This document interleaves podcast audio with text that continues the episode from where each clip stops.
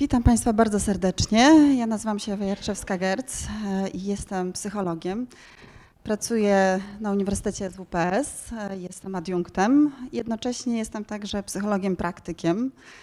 E, to, o czym będę dzisiaj z Państwem rozmawiać, opowiadać, mam przyjemność weryfikować w pracy z ludźmi na co dzień. Mówi się o tym, że jest taka duża rozbieżność między tym, o czym mówi teoria, co mówi nauka, a praktyką. Bardzo często się z tym spotykam, uczę już prawie 15 lat, więc e, często od studentów słyszę tego typu e, informacje, że ok, uczymy się o teoriach, uczymy się o badaniach, pouczmy się czegoś praktycznego. Pamiętam podczas moich studiów jeden z e, no, wybitnych moich autorytetów, profesor Doliński powiedział, nie ma lepszej praktyki niż dobra teoria. E, nie wiedzieliśmy w sumie na tamtym etapie o co chodzi profesorowi, ale nauczył nas myśleć. I e, dzisiaj chciałabym może nie tyle nauczyć Państwa myśleć, co trochę zainspirować do tego e, myślenia.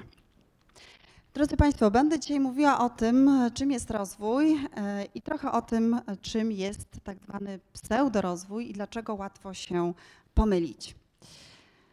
Ale żeby zdefiniować sobie e, właśnie w jaki sposób możemy się rozwijać, to zacznijmy w ogóle od tego, jak możemy zdefiniować, e, czym rozwój w ogóle jest. E, dobrą definicję rozwoju zaproponowała profesor Brzezińska.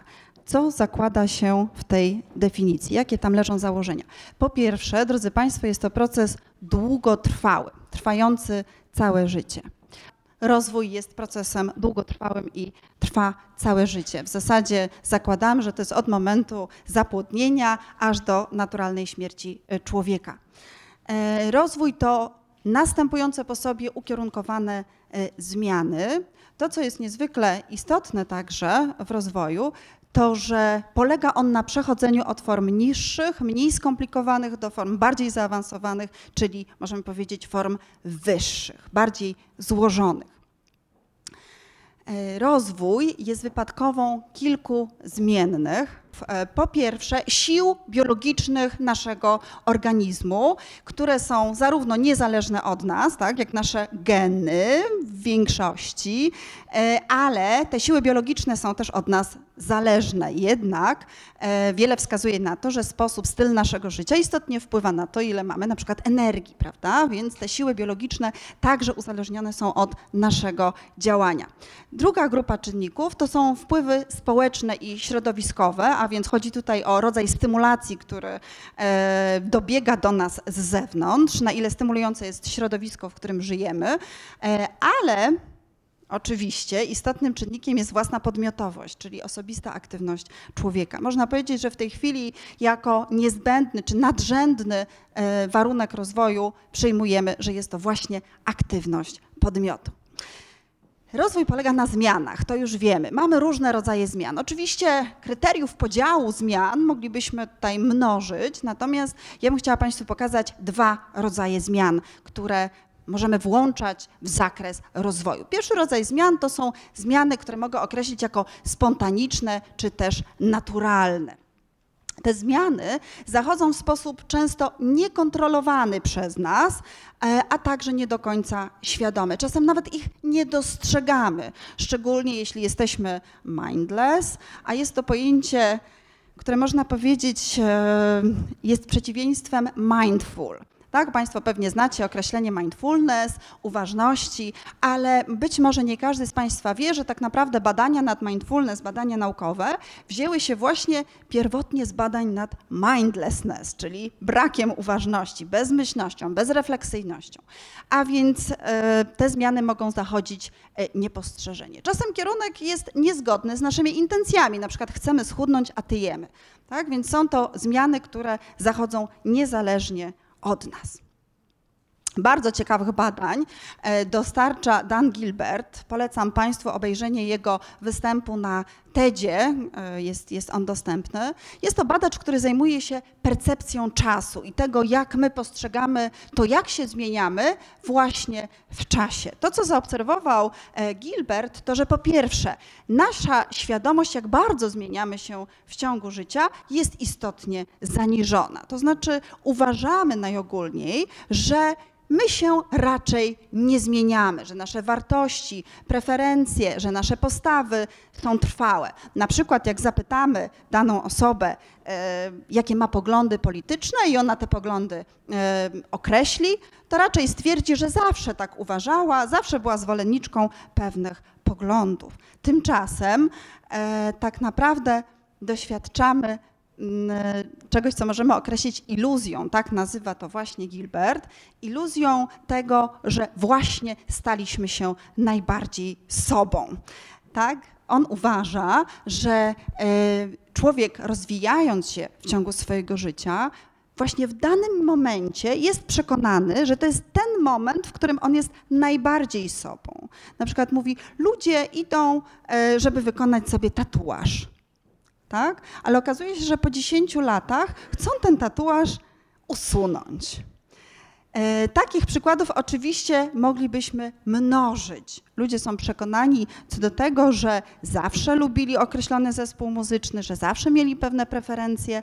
Tymczasem e, zachęcam Państwa do tego, żeby po dzisiejszym spotkaniu zajrzeć choćby do maila sprzed roku, i przeczytać, może niekoniecznie mail służbowy, ale do jakiejś korespondencji prywatnej, żeby przypomnieć sobie, jaki był mój sposób myślenia rok temu. Zapewniam Państwa, że możecie się bardzo zdziwić, nie mówiąc już o tym, że jak przeczytacie, jeżeli macie w swoich archiwach, nie wiem, swoją rozprawkę z liceum na przykład, tak, to można się nieźle zdziwić, jakie poglądy mieliśmy 10-15 lat wstecz. Drugi rodzaj zmian to są zmiany, które są, nazwałabym je wypracowane. To są takie, które sami sobie e, właśnie wypracowujemy. E, one zachodzą w sposób świadomy, taki, który wymaga wysiłku, wymaga naszej wytrwałości, wymaga naszej autodeterminacji. Są to zmiany, które włączamy w zakres tego, co rozumiemy współcześnie pod hasłem rozwój osobisty. I o tym będziemy dzisiaj właśnie mówić, na tym się skupiać. Drodzy Państwo, Skoro już wiemy, co to jest rozwój, jakie są rodzaje zmian, to pojawia się pytanie, czy człowiek w ogóle może się zmienić? Jak Państwo sądzicie? Czy można się zmienić? Można. Można się zmienić. Jest to pytanie o to, na ile determinuje nas wyposażenie genetyczne, czynniki środowiskowe, a na ile własne działanie. To jest odwieczny kłopot, który mamy w psychologii, zresztą nie tylko w psychologii. Mm, natomiast pytanie o to, czy determinują nas geny, czy determinuje nas, nie wiem, wychowanie, jest oczywiście pytaniem źle zadanym. Tak? Podobnie jak pytaniem źle zadanym jest pytanie o to, czy ciasto robi się z mąki, czy z cukru. No robi się i z cukru, i z mąki. E, ale niezwykle istotne jest to, jaki jest udział poszczególnych czynników i wcale nie jest to łatwe do ustalenia. E, przygotowując się do dzisiejszego spotkania z Państwem, przeszukałam internet, ponieważ chciałam e, znaleźć różnego rodzaju aforyzmy, cytaty czy mądrości, które dotyczą właśnie rozwoju osobistego. Ja zaraz dokonam głębszego przeglądu tychże haseł, ale jedno już w tym miejscu chciałabym zacytować. Mianowicie, nie urodziłeś się zwycięzcą, nie urodziłeś się przegranym, urodziłeś się z wolną wolą, aby zadecydować, kim jesteś. Zgadzacie się Państwo z tą ideą? Nie. Kto się zgadza? Tutaj pani się zgadza. No właśnie, mamy różne opinie w tej kwestii, no ale przyjrzyjmy się temu bliżej. Po pierwsze, istnieją różnice temperamentalne od urodzenia.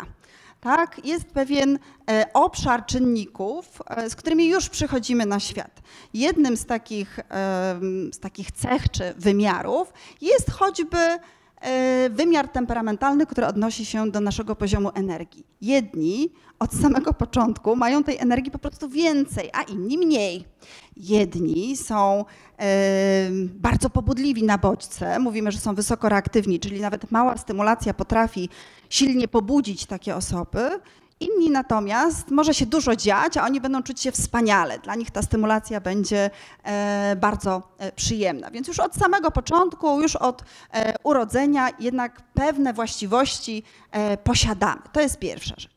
Druga rzecz, Badania z bliźniętami jednojajowymi pokazują, że dziedziczenie cech w ramach tak zwanej Wielkiej Piątki wynosi między 40 a 60 co to jest Wielka Piątka? Ja przypomnę, że to jest pięć cech osobowości, które, jak pokazały liczne badania, występują niezależnie od kultury, niezależnie od obszaru geograficznego, w którym żyjemy, w którym mieszkamy i są to ekstrawersja, neurotyczność, otwartość na nowe doświadczenia, e, sumienność i ugodowość. Najmniej dziedziczona jest sumienność, tak od razu e, powiem. E, co jest oczywiście e, z jednej strony smutne, a z drugiej strony daje nam duży obszar do tego, żebyśmy tę sumienność budowali każdego dnia, żeby się jednak w tym obszarze właśnie e, jakby rozwijać. Chciałabym zwrócić także Państwa uwagę na to, że czasem trudno jest określić, co jest dziedziczeniem biologicznym, a co społecznym. Na przykład wszyscy zauważamy, że jeżeli na przykład Państwo pójdziecie do szkoły i zobaczycie otyłe dziecko, e, to szansa na to, że przyjdzie je odebrać otyła mama albo otyły tata jest wysoka. Prawda? Wszyscy zauważamy, że gdzieś tam relacja między tym, jak wyglądają, jeżeli chodzi o BMI, rodziców i dzieci, że ta relacja jednak istnieje. Prawda? I rzeczywiście badania e, dotyczące, dotyczące właśnie odziedziczalności BMI, w których brały udział e, bliźnięta, pokazały, że e, ta odziedziczalność to jest na poziomie 40-70%. To jest całkiem sporo. Prawda? Jednak chciałabym zwrócić Państwa uwagę, że często ta odziedziczalność nie ma charakteru wyłącznie genowego, ale jest to także dziedziczenie społeczne. Czy Państwo słyszeliście o takiej formie dziedziczenia? Kto słyszał, kto nie słyszał? Kto słyszał? Mhm. No właśnie, słuchajcie, dziedziczenie społeczne polega na tym, że my niejako przejmujemy wzorce zachowań osób, z którymi przebywamy. Tak? Dziedziczymy ich poglądy. Bardzo ciekawe e, badania pokazują, że na przykład dzieci dziedziczą poglądy polityczne swoich rodziców. Nawet jeśli na etapie adolescencji uważali, że rodzice nie mają racji, byli zbuntowani, to jak już opuszczają gniazdo i mają sami głosować, bardzo często okazuje się, że jakoś mają wdrukowane pewne e, zachowania. I podobnie, jeżeli chodzi o e, kwestie związane z żywieniem, a więc bez wątpienia geny wpływają na nasz BMI, ale z drugiej strony także obserwacja i uczenie się tego, w jaki sposób na przykład przygotowuje się posiłki e, w swoim domu. Tak? I to jest też dziedziczenie, tylko ma charakter społeczny. Zatem, czy człowiek może się zmienić? Tak, przynajmniej w połowie to już bardzo dużo. Prawda? Czyli mamy pewien obszar do tego, aby podjąć działanie i dokonać zmiany. No ale pytanie, czy człowiek chce się zmienić? tak? W ogóle. No bo właśnie, po co? Po co to zaraz będziemy mówić? Drodzy Państwo, jak zapyta się ludzi, kto chce zmian, e, to większość z nich odpowiada ja. Tak, widzimy las rąk. Jednak w momencie, kiedy pytamy, a kto chce coś zmienić w swoim życiu, wówczas tych rąk jest nieco mniej. Dlaczego tak się dzieje? Dlatego, że miłe zmiany to takie, które nam spadają z nieba. Nie przyszły w sposób wypracowany wskutek naszej ciężkiej pracy, ale pojawiły się nagle i właśnie e, mimochodem, można powiedzieć. Natomiast zmiany, które wymagają własnego wkładu, wysiłku, a nawet bólu, już tak bardzo nie są przez nas preferowane. Ich tak bardzo nie lubimy. To znaczy, bardzo lubimy ich wyniki, ich efekty, ich rezultaty, natomiast na etapie drogi już nieco mniej. Kolejne pytanie, na które chciałabym, nie wiem czy uzyskam, ale postaram się yy, znaleźć odpowiedź, jest po co w ogóle chcemy się zmienić? Tak? Tych, tych motywów jest oczywiście wiele. Po to, bo chcemy być piękniejsi na przykład. I wcale nie ma w tym nic złego, bowiem jak się okazuje, e, to piękno ma wiele wymiarów, a ludzie, którzy na przykład e, są, e, lubią się i mają zharmonizowany pogląd na temat własnej osoby, uważają się za ładniejszych. Ale okazuje się także, że e, w momencie, kiedy my sami się sobie podobamy, podobamy, to podobamy się także innym. Inni też postrzegają nasze pozytywne e, zmiany. Chciałam także zauważyć, że niektóre badania wskazują, iż zabiegi pielęgnacyjne, kosmetyczne powodują redukcję lęku przed śmiercią.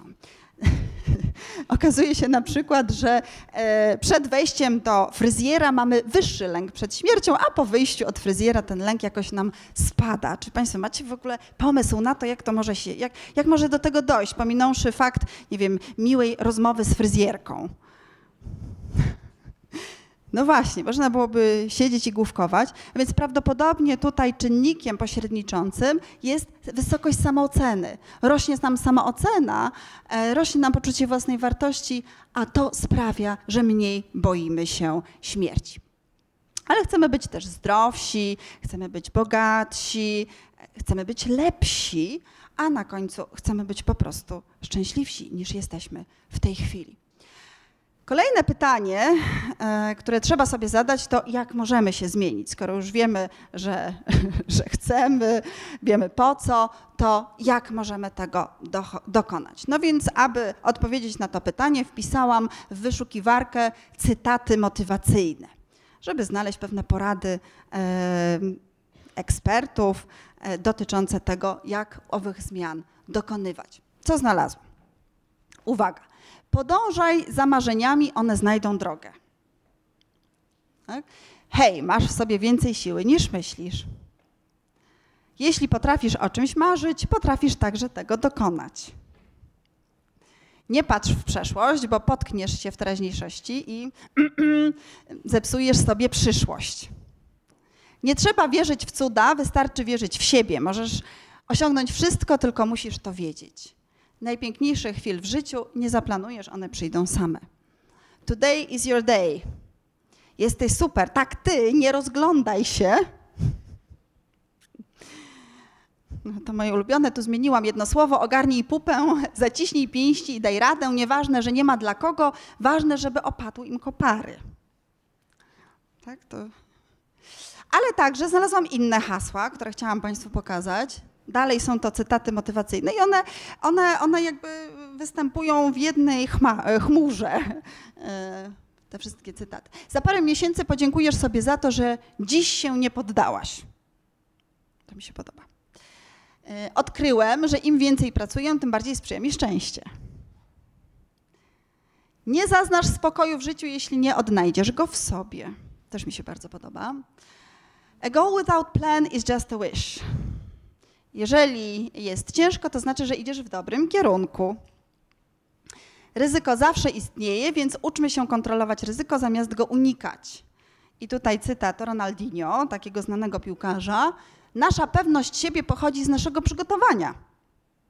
Bardzo mi się podoba. I jeszcze Estée Lauder, nigdy nie marzyłam o sukcesie. Pracowałam na niego.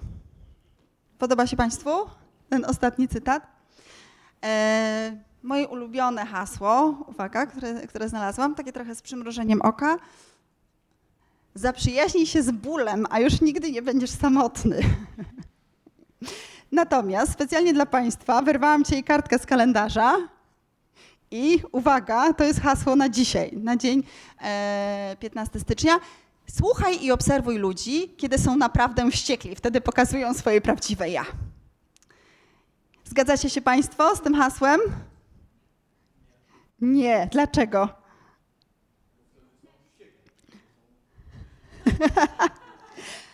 Właśnie, i to jest ciekawe. Słuchajcie, co to znaczy być sobą? Co to, jest, to jest w ogóle prawdziwe ja? Prawdziwe ja to jest i to wściekłe, i to niewściekłe. Prawdziwe ja nie jest spójne. Prawdziwe ja jest złożone. W prawdziwym ja jest i element dobry, i element zły, i element próżny, i element e, związany z byciem dobrym człowiekiem. Tak, właśnie bycie.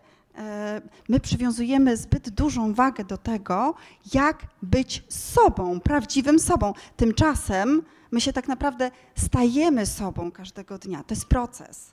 Tak? Nie ma czegoś takiego jak bycie prawdziwym ja. Jest proces stawania się każdego dnia sobą. No dobrze, słuchajcie. Czym różnią się hasła z tych dwóch grup? Na co ja zwróciłam uwagę, co przykuło moją uwagę. Pierwsza, marzenia same znajdą drogę do celu versus my ją znajdujemy wskutek intensywnego myślenia i konfrontacji z rzeczywistością. To jest pierwsza różnica, tak? Że, że marzenie ci podpowie. Ono czasem podpowiada, ale jednak, jeżeli nie wykonamy pewnej pracy intelektualnej, która jest nieprzyjemna, boli, bo może się okazać, że milion przeszkód na drodze, to jednak my nie wymyślimy planu działania. Druga rzecz. One się różnią tym, czy jesteśmy, czy jesteśmy w, w wizji tego cytatu czy hasła motywacyjnego, czy jesteśmy panem czy pionkiem. Tak? Co to znaczy być panem, a co to znaczy być pionkiem? E, być panem to jest być sprawcą danego działania, brać za nie odpowiedzialność, przykładać się do niego, włożyć wysiłek. Natomiast bycie pionkiem to jest bycie wykonawcą czyichś e, zleceń, czyichś działań. Bywa to bardzo wygodne, drodzy Państwo, bo bycie pionkiem często powoduje, że schodzi z nas odpowiedzialność za swoje działanie. Tak? Na przykład, dlatego ja bardzo boję się, e, boję się wartości. Mówimy dość dużo o wartościach, chwalimy je, mówimy, że, że, że właśnie one odgrywają bardzo istotną rolę w życiu. Ja, ja bez wątpienia zgadzam się z tym, ale uważam, że wartości potrafią być bardzo destruktywne, dlatego że my często względem wartości jesteśmy właśnie pionkiem, stajemy się pionkiem. Co oznacza, że tak naprawdę w imię pewnych wartości postępujemy źle. Na przykład czynimy zło. Zwróćcie uwagę, że to, co dzieje się w tej chwili na świecie, wiele zachowań ludzi destruktywnych, skrajnych, wynika właśnie z wartości. Oni powołują się na wartości. Oni są w tym momencie pionkiem, wykonawcą pewnych wartości. E, kolejna rzecz. Za wytrwałe i efektywne podążanie do celu odpowiada pragnienie osiągnięcia go lub też wiara w siebie versus działanie praca. Tak? Czyli z jednej strony jest pragnienie, jest potrzeba osiągania określonego sukcesu i czasem uważamy, że to już wystarczy, że my tak pragniemy osiągnąć określony cel.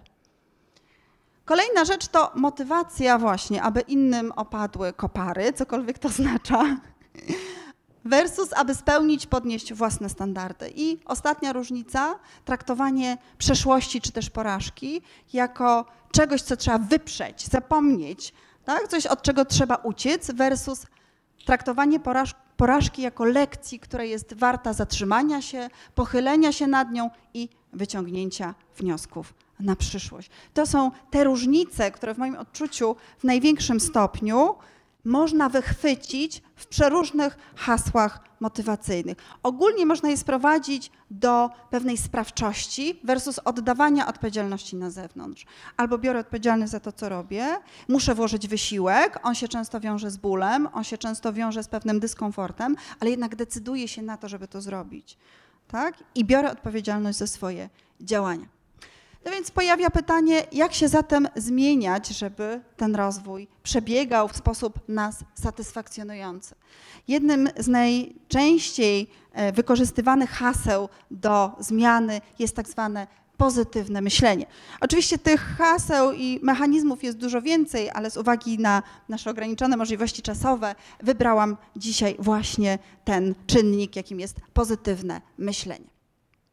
Myśleć pozytywnie, drodzy Państwo, to znaczy jak? Przyjrzyjmy się temu, jak można myśleć pozytywnie. Pierwszy rodzaj pozytywnego myślenia to jest tak zwany bierny optymizm. Jest to oczekiwanie pozytywnych rozstrzygnięć, pozytywnych wyników bez udziału własnej aktywności, oczywiście w działaniach, które obiektywnie wymagają tego wysiłku. To jest właśnie bierne myślenie pozytywne, które skupia się na wyniku i które powoduje, że zaczynamy wierzyć w to, że skoro tak bardzo pragniemy e, danego celu, e, określonego wyniku, że to już powinno uzasadniać, abyśmy ten wynik otrzymali. E, a co o tym mówią badania? Jak to się ma do wyników badań? A więc na przykład okazało się, że osoby, które w badaniach były skupione na pozytywnym wyniku, a więc wyobrażały sobie pozytywny wynik, już pozytywny finał e, aktywności, chudły dwa razy mniej niż osoby skupione na procesie. Co jeszcze? Paliły na przykład dwa razy więcej papierosów po zakończeniu badania niż uczestnicy skupieni na procesie. Oczywiście celem badania było ograniczyć liczbę wypalanych papierosów, nie ją zwiększyć. Mm, co jeszcze? Uzyskiwały te osoby średnio 8 punktów mniej na egzaminie niż osoby skupione na procesie. Nie, tak, tak, tak nie myślmy. Tak? Nie skupiajmy się na pozytywnym wyniku, bo to po prostu nie działa. No, chyba, że chcemy sobie poprawić humor na chwilę. No to to rzeczywiście tak może być. Ale jest drugi rodzaj pozytywnego myślenia. To jest tak zwany aktywny optymizm, który polega na tym, że oczekujemy pozytywnego rezultatu, ale własnych działań. Towarzyszy temu skupienie na procesie, e, silne pragnienie doskonalenia się i poszukiwanie satysfakcji w samym działaniu, nie tylko wyniku. Tak? To sprawia, że my nie mamy takiego ciśnienia na ten wynik, że on po prostu przychodzi nam tak naprawdę z większą łatwością, kiedy polubimy proces, kiedy on stanie się dla nas ciekawy, kiedy zaczniemy czerpać jakąś satysfakcję z samego procesu. Na przykład w badaniach niedawno przeprowadzonych wraz z moją studentką, okazało się, że osoby, które wyobrażały sobie proces wystąpienia publicznego, miały istotnie niższy poziom kortyzolu w ślinie podczas wystąpienia publicznego, a także ich wystąpienie było oceniane jako bardziej przygotowane, one były oceniane jako bardziej pewne siebie, mniej zestresowane w momencie, kiedy koncentrowały się na procesie tej prezentacji, a nie tylko na pozytywnym wyniku tej prezentacji. Tak, w ten sposób rzeczywiście możemy myśleć pozytywnie. Ale drodzy Państwo, co z negatywnym myśleniem? Czy ono jest y, z definicji złe i, i prowadzi tylko do negatywnych wyników? Przyjrzyjmy się mu istnieje zjawisko, które możemy określić jako pesymizm defensywny, czyli czasem negatywne myślenie ma charakter przewidujący. My przewidujemy pewne trudności, my antycypujemy przeszkody, problemy, ale nie po to, żeby się załamać, poddać i zrezygnować ze swojego działania. Po to, aby świetnie przewidzieć sytuację i zapobiec ewentualnym komplikacjom. Tak jak na przykład neurochirurg, który przygotowuje się do poważnej operacji e, na mózgu, e, nie, nie, nie wyobraża sobie, och świetnie, że już zszywam głowę i jest po operacji, ale wyobraża sobie raczej, jakie problemy nastąpią w trakcie operacji i co ja wtedy zrobię. Tak? Właśnie na tym polega to negatywne e, myślenie, które prowadzi do pozytywnych rezultatów, bo co sprawia?